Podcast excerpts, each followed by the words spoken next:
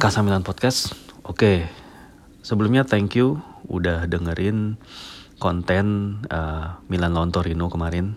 Ya Milan menang. Dan seperti biasa kalau Milan menang itu yang dengerin jadi lebih banyak ya.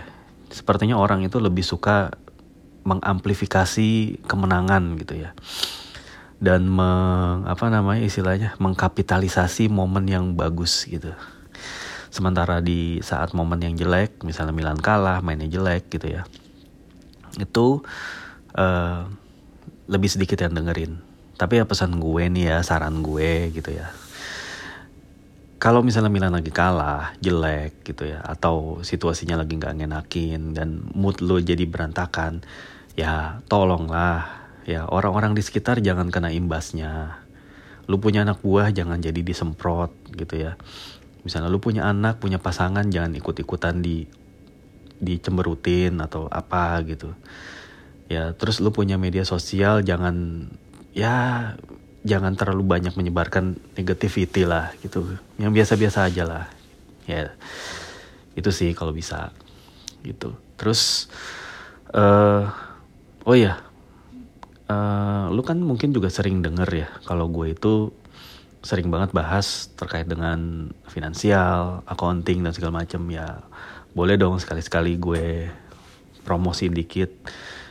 Karena yang memang menjadi keahlian atau expertise gue di dalam real world itu adalah memang pekerjaan yang di bidang itu.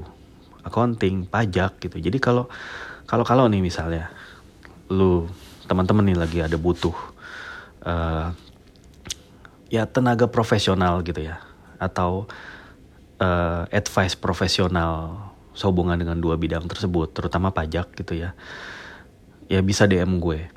Gitu ya tentunya uh, karena gue memiliki keahlian profesional, maka ya opini-opini dan juga uh, apa namanya point of view tentunya juga berada dalam koridor yang uh, ada standarnya gitu, ada dasar hukumnya dan tentunya nggak asbun lah gitu. Dan karena seperti itu jadinya ya ya apa namanya tentunya kalau ada hmm, apa namanya kalau ada hal-hal yang ingin ditanyain atau ada hal-hal yang pengen diobrolin atau sesuatu yang baik gitu yang bisa ditawarin gitu ya kali aja kita bisa saling bantu lah intinya seperti itu gitu Anyway, ya ini karena ngomongin juga masalah finansial gitu ya.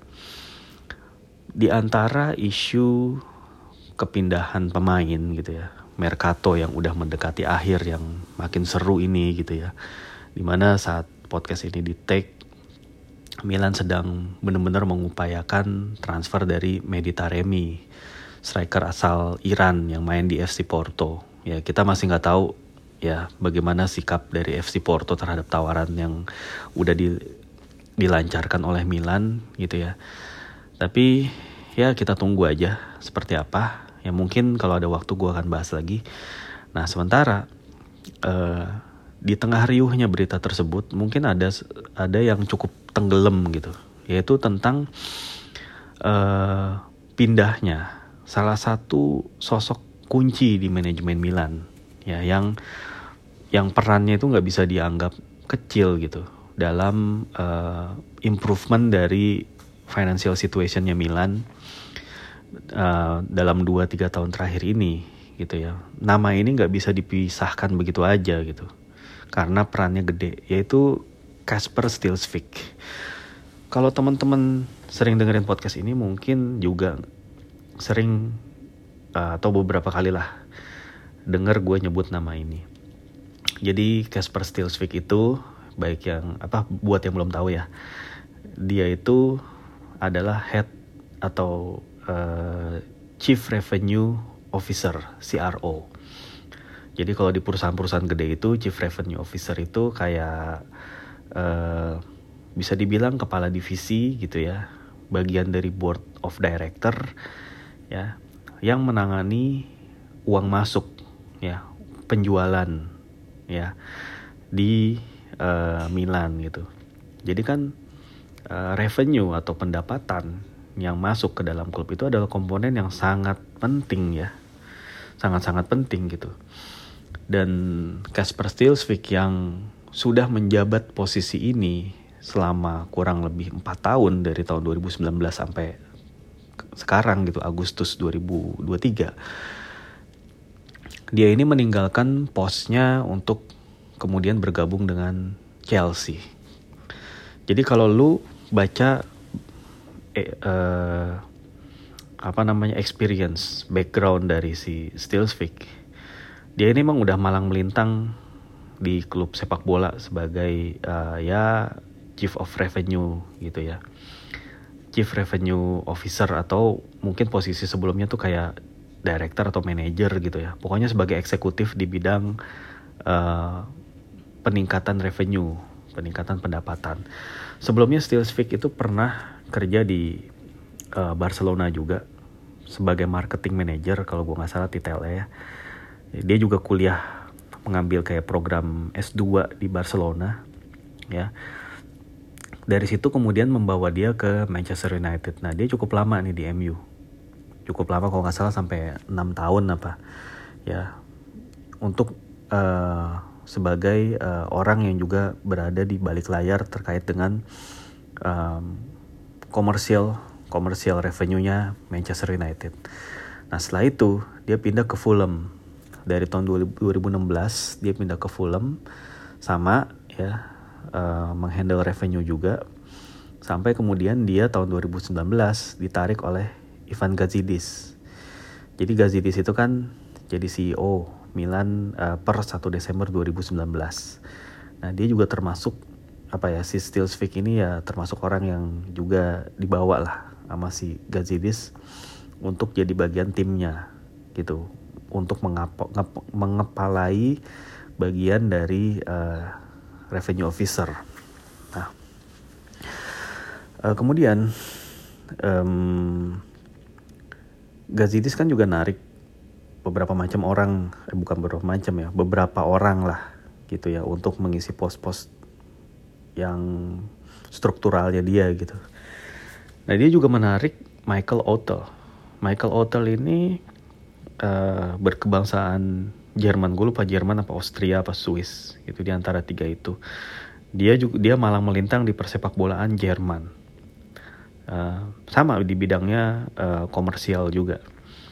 Nah Michael Otel ini tadinya itu nggak menjabat sebagai board of director, tapi mulai 1 Januari 2023 ya kalau lu lihat di profil LinkedIn-nya si Otel dia itu udah menjadi uh, director detail ya ya gue waktu itu sempat kayak agak-agak bingung sih kok Steelsvik uh, udah udah ada Casper Steelsvik sebagai chief revenue officer tiba-tiba Milan mengangkat nih Michael Otel sebagai uh, commercial director Nah untuk for the record juga Michael Otel ini udah bergabung sejak zaman Elliot juga. Tahun 2019 juga dia join di Milan. Cuman posisinya pada saat itu belum direktur.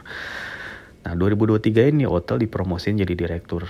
Yang mana ya menurut pandangan awam gue ini kok agak-agak overlap sama kerjaannya si Stilsvik gitu. Ada apa nih gitu. Gue sempet kayak ngebatin aja waktu itu kayak gitu gitu. Cuman nggak sempet gue omongin juga. Toh uh, ya pasti kan mereka manajemen punya alasan gitu dan ya mungkin uh, scope of worknya atau job desknya gitu ya beda-beda deh dari tiap orang ini jadi nggak nggak saling tumpang tindih gitu dan nggak overlap gitu ya nggak dan nggak redundant gitu. Ya udah. Tadinya gue pikir ya udah dong uh, ya smooth smooth aja berjalan. Tapi kaget juga gue kemarin denger Steelsvik itu uh, resign dari posnya di Milan dan bergabung dengan Chelsea di bawah manajemennya Ted Bolly.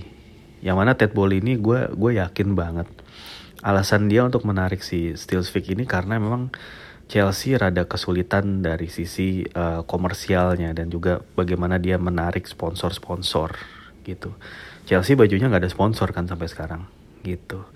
Ini sebagai salah satu contoh kecil aja gitu dan uh, Ted Bolly juga sebagai American businessman yang happen to uh, to be attracted to European football gitu ya as one of his portfolio ya dia tentunya ingin mempekerjakan orang-orang yang bisa gitu ya. Menjadikan klub itu sustain secara revenue.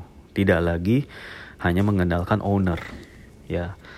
Ya karena perlu sustain inilah butuh orang seperti Stilvik ini. Dan memang gini, gue pernah denger interviewnya uh, dan juga baca juga ya interviewnya Stilsvik dengan salah satu jurnalis lupa gue namanya siapa. Jadi kurang lebih si Stilsvik ini di oleh jurnalis itu digali nih kayak kayak dikulitin gitu role-nya dia apa sih terus bagaimana pandangan dia terhadap klub sepak bola gitu jadi ketika ditanya role-nya si Stilsvik itu apa Stilsvik itu bilang tahun lalu tahun 2022 ya uh, tanggung jawab dia itu adalah untuk meningkatkan revenue Milan. Kenapa? Karena uh, sekalipun Milan itu klub yang historik gitu ya, yang bersejarah, yang punya fanbase yang besar gitu ya, sangat passionate pendukungnya, terus ya itu tadi memenangkan 7 UCL, tapi dia ngerasa saat itu uh, aspek komersialnya tuh kayak belum belum digali secara maksimal, optimal gitu. Makanya kemudian salah satu breakthrough yang dibuat oleh Stilsvik pada saat itu adalah dengan uh, pertama bikin app aplikasinya Milan gitu ya. Milan app sekarang lu bisa kalau yang belum download ya lu bisa download. Free ya di Milan app itu. Selain menampilkan berita-berita terkini juga ya announcement-announcement yang resmi. Dan kadang-kadang juga nyarin uh, match yang uh, friendly gitu friendly match gitu ya nah setelah itu nggak nggak cukup berhenti di apps tapi Stillsvik ini membuat Milan Studios. Itu adalah proyek besar dia ya. Kenapa Milan Studio itu penting dan sebenarnya apa sih? Sebelumnya tuh apa Milan Studio? Milan Studios itu pada dasarnya itu adalah sebuah tempat ya ada di Casa Milan sebuah space yang uh, isinya adalah tempat memproduksi konten sebanyak mungkin. Konten media sosial ya. Artinya gini si Stilsvik itu bilang bahwa ini Milan ini diisi pemain-pemain yang top loh. Udah orang-orangnya apa namanya uh, aset ya. Kita ngomongnya aset. Asetnya itu besar sekali gitu. Dan betapa akan uh, membantu Milan, membantu keuangan Milan jika uh, dibikin kayak semacam tempat ya, tempat ya tempat yang ada secara fisik ya, bukan sekedar tempat wadah ngumpul segala macam kayak kantor. Mungkin kita bilangnya kantor lah ya. Kantor untuk bisa memproduksi konten-konten itu dengan menggunakan resource-nya Milan yang emang udah berkualitas tinggi itu. Ya tinggal diperluin mediumnya aja nih. Jadi di Milan di The Studios yang ada di Casa Milan itu emang dibikin ya tempat-tempat untuk interview, tempat untuk memper, memperkenalkan pemain baru, bikin konten gitu ya, uh, studio foto dan video. Yang tujuannya memang uh, untuk meng uh, semakin memproduksi lebih banyak lagi konten-konten dan untuk tujuan akhirnya ya meningkatkan brand awareness gitu. Betapa Milan itu punya brand besar loh, tapi ya mungkin awarenessnya masih kurang para publik ini. Dan uh, kalau di Italia kan kita bicara kultur ya, kita bicara kultur misalnya gini, orang tuanya fans Milan. Ya kemungkinan besar anaknya fans Milan. Dia tumbuh di lingkungan keluarga Milanisti ya dia akan jadi Milanisti tanpa harus klub ada campur tangan dari klub gitu. Bukan campur tangan kayak dalam arti yang jelek ya. Tanpa si klub itu mempromosikan konten-konten Milan dan Milan itu apa gitu.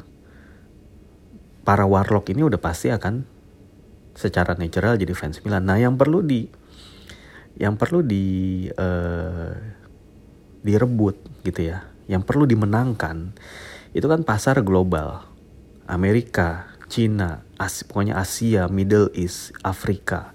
Itu market-market yang potensial yang masih belum uh, tergali potensinya secara optimal gitu. Nah di situlah ya, terutama ini adalah era digital. Nah digunakanlah platform-platform media sosial, aplikasi untuk bisa merang merangkul gitu ya dan pada akhirnya memenangkan para fans yang ada di seluruh dunia yang global ini yang sebanyak mungkin ini untuk mereka bisa attach sama Milan.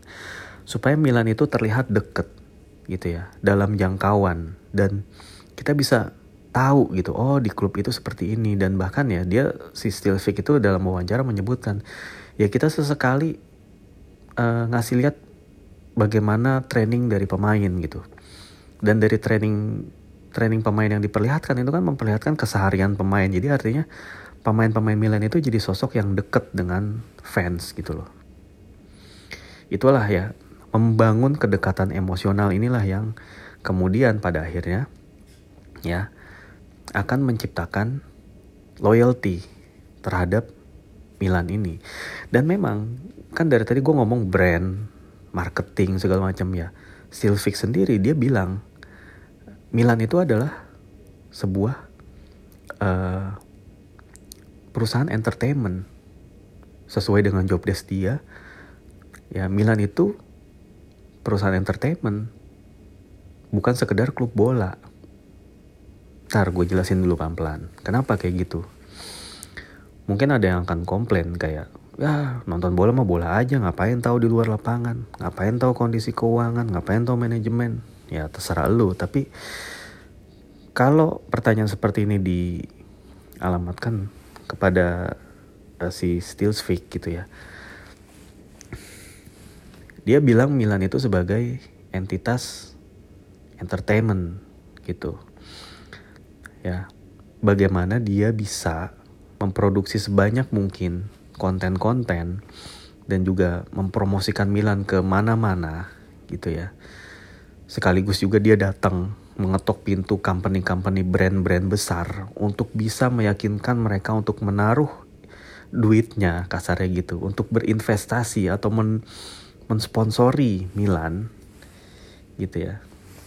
Ya itu dengan teknik-teknik yang yang memang sesuai sama uh, ilmunya dia gitu, ilmu yang udah dipelajari dan juga pengalaman-pengalaman dia di klub sebelumnya. Jadi uh, apa ya? Kalau lu ngobrol sama Casper Stilsvik memang tidak seperti ngobrol dengan direktur olahraga Milan kayak dulu Paolo Maldini atau sekarang Moncada, Furlani gitu. Furlani sih lebih ke CEO ya atau hmm, Di Ottavio gitu. Ya. Kalau lu ngobrol sama Moncada atau Di Ottavio ya mereka kan taunya teknis lapangan, teknis pemain gitu. Kalau still pick adalah bagaimana cara gitu ya dari pemain-pemain yang ada ya dari resource yang ada untuk dia kemudian jadikan campaign ya atau dia jadikan bahan untuk bisa mempromosikan mereka-mereka ini ke seluruh dunia. Tapi ada good point yang dia sampaikan bahwa semua itu gak akan berarti kalau di lapangan gak menang. Jadi ketika menang di lapangan, tampil bagus di lapangan, tampil konsisten di Liga Champions ini akan mempermudah mempermudah dia menjalankan tugasnya sebagai Chief Revenue Officer untuk bisa menggali menggali uh, sebanyak-banyaknya potensi. Jadi memang klub itu harus menang dulu in a winning way. Menang itu bukan berarti megang trofi tiap hari, tapi eh tiap tahun maksudnya, tapi berada di jalur kemenangan gitu in a winning way bermain dengan bagus dengan atraktif gitu ya terus kemudian berada di jalur perebutan juara gitu dan dalam berapa tahun sekali ada ngerebut trofi-trofi penting gitu nah dari situlah kemudian dia bisa berbicara dengan lantang gitu dengan calon-calon sponsor atau partner mereka dan memang terbukti setelah Milan Scudetto kemarin kontraknya Fly Emirates itu direview lagi dan akhirnya nilainya melambung begitu juga kontrak dengan Puma bisa di-adjust nilainya gitu. Jadi artinya perannya Stilsvik yang dengan segala ilmu dan segala metode yang dia jalanin itu nggak akan artinya tanpa ada prestasi di lapangan. Nah itu yang perlu ditanamkan uh, dengan baik bahwa adanya sinergi antara divisinya Stilsvik dengan divisinya sport gitu. Dan CEO inilah yang penting untuk menjebatani keduanya. Dan ya Stilsvik ini pendek kata dia adalah orang yang sangat kompeten banyak sekali partner-partner baru yang masuk ke Milan sejak dia menghandle ini. Ya, kita tahu Milan sekarang partneran sama BM, BMW, sama Konami, sama uh, apa lagi namanya? MSC, uh, Skrill, terus uh, apa lagi tuh? Pokoknya banyak lah brand-brand papan atas gitu ya uh, off white gitu ya sebagai official apa official fashion ya terus uh, apalagi? Ya banyak lah gitu ya. Snape uh, hmm, ini sebatas yang gue ingat aja. Tapi intinya adalah mereka udah melakukan penetrasi yang cukup gitu ya terhadap industri-industri gitu terhadap big players gitu. Karena apa? Ini juga yang kadang-kadang sering dipahami secara keliru bahwa segede-gedenya klub bola, size mereka itu gak lebih gede dari perusahaan-perusahaan yang kalau kita lihat di Amerika gitu ya di uh, yang terdaftar atau listed di uh, Dow Jones gitu ya itu hanya ujung kukunya gitu.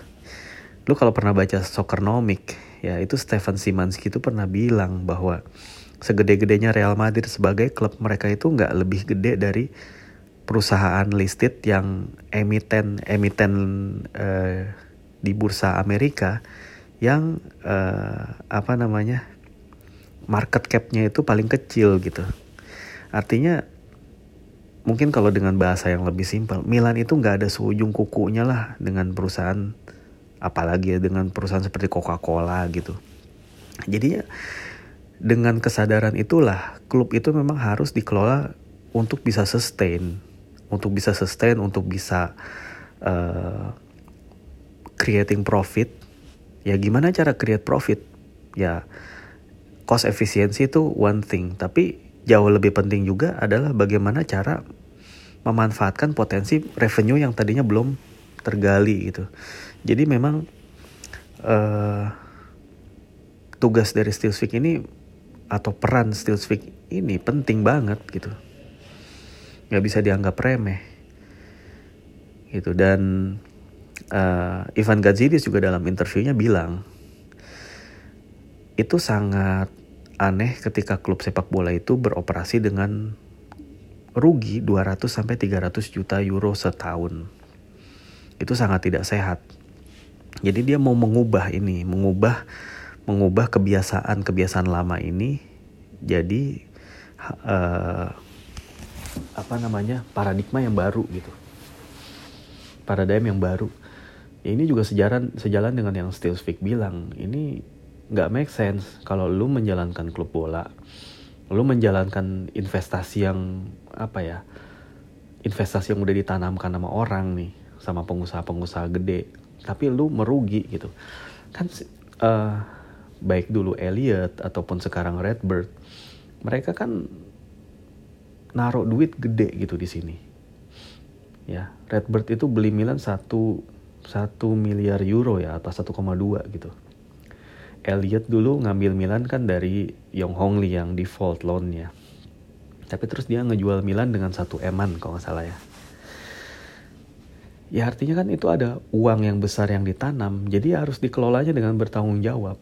Dengan bertanggung jawabnya tuh gimana? Ya dengan SOP yang jelas dengan uh, visi yang jelas dengan metode-metode yang jelas yang bisa dipertanggungjawabkan. Jadi tidak seperti mengelola klub bola tarkam.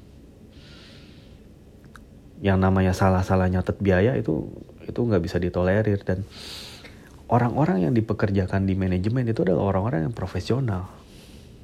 Tidak hanya sekedar orang yang passion atau orang yang hobi dan segala macam.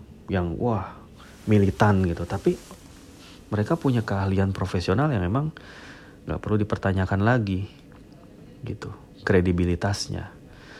Stilsvik itu seorang ahli di dalam marketing di dalam sales dalam uh, pokoknya bidang pendidikannya lah gitu.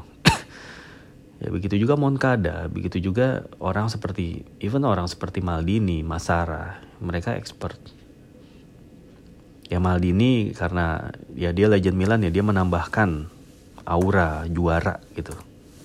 Yang which is itu juga bagus gitu.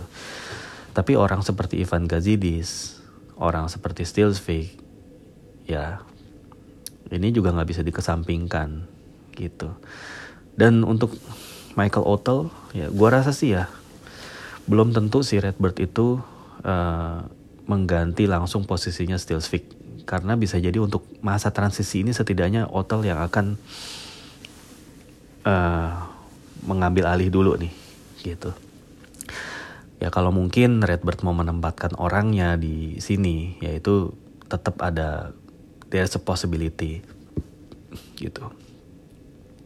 Tapi kita nggak tahu ya mungkin akan ada uh, eh, EJMS lagi gitu. Ya atau RUPS kalau dalam bahasa Indonesia rapat umum pemegang saham untuk bisa uh, memasukkan orang-orang yang posisinya strategis seperti itu. Gitu. Ya tapi sekali lagi gue sih berterima kasih kepada Kasper Stilsvik atas kerja kerasnya selama ini. He's been working very hard ya continuously, tremendously, uh, bringing uh, sustainable uh, financial situation to Milan, to the current Milan.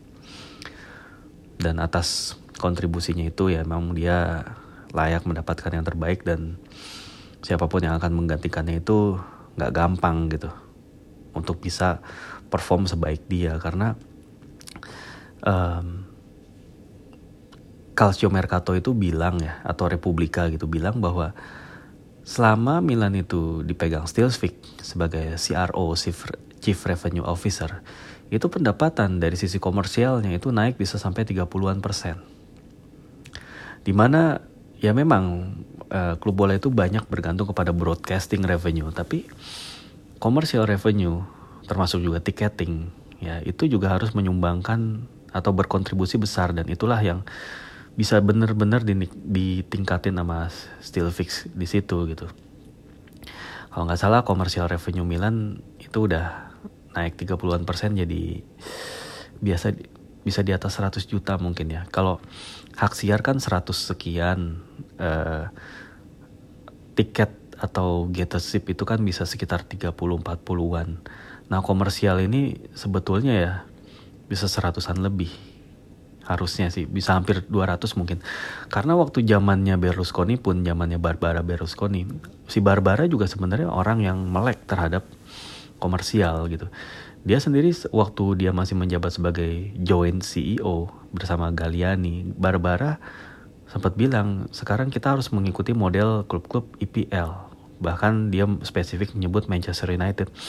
Pada saat itu tahun-tahun 2013an itu omongan Barbara tuh kayak dianggap nonsens sama orang-orang tapi sekarang terbukti. Emang bener kayak gitu ya tapi mungkin ya Barbara kompetensinya dibandingin sama Stilsvik ya beda lah. Gue nggak bermaksud comparing tapi ya tentunya Stilsvik dengan pengalaman dia yang lebih banyak dia jadi kayak bisa langsung menerapkan gitu. Sementara dulu Barbara itu kan ketika dia pengen membuat policy-policy dan segala macem gitu mungkin dia kadang-kadang terbentur sama bapaknya mungkin agak berbenturan sama Galiani atau segala macam nah sementara si Stilsvik ini memang orangnya si Gazidis gitu nah mungkin karena Gazidis itu orangnya Elliot dan Gazidis sudah cabut Stilsvik juga mungkin punya ya dia punya pandangan lain lah jadinya. Dia juga cabut. Ya bisa jadi Redbird punya akan punya rencana lah pasti. Redbird itu juga isinya orang-orang yang udah biasa menghandle seperti ini walaupun putusan-putusannya tuh kadang-kadang bukan hal yang kita bisa terima ya. Sandro Tonali dijual gila aja Maldini dipecat gila aja tapi yang namanya putusan itu pasti akan ada dua sisi gitu. Tergantung dari mana kita melihatnya dan tergantung manfaat sama mudorotnya banyakan mana gitu. Pada akhirnya kan itu yang dilihat.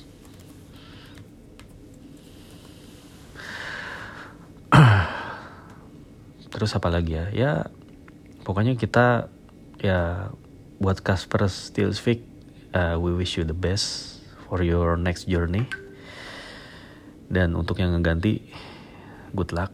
Semoga sukses dalam menjalankan perannya yang baru. Oke. Okay. sampai segini aja dulu episode yang kali ini. Sorry kalau ada salah-salah kata. Thank you udah ngedengerin. Bye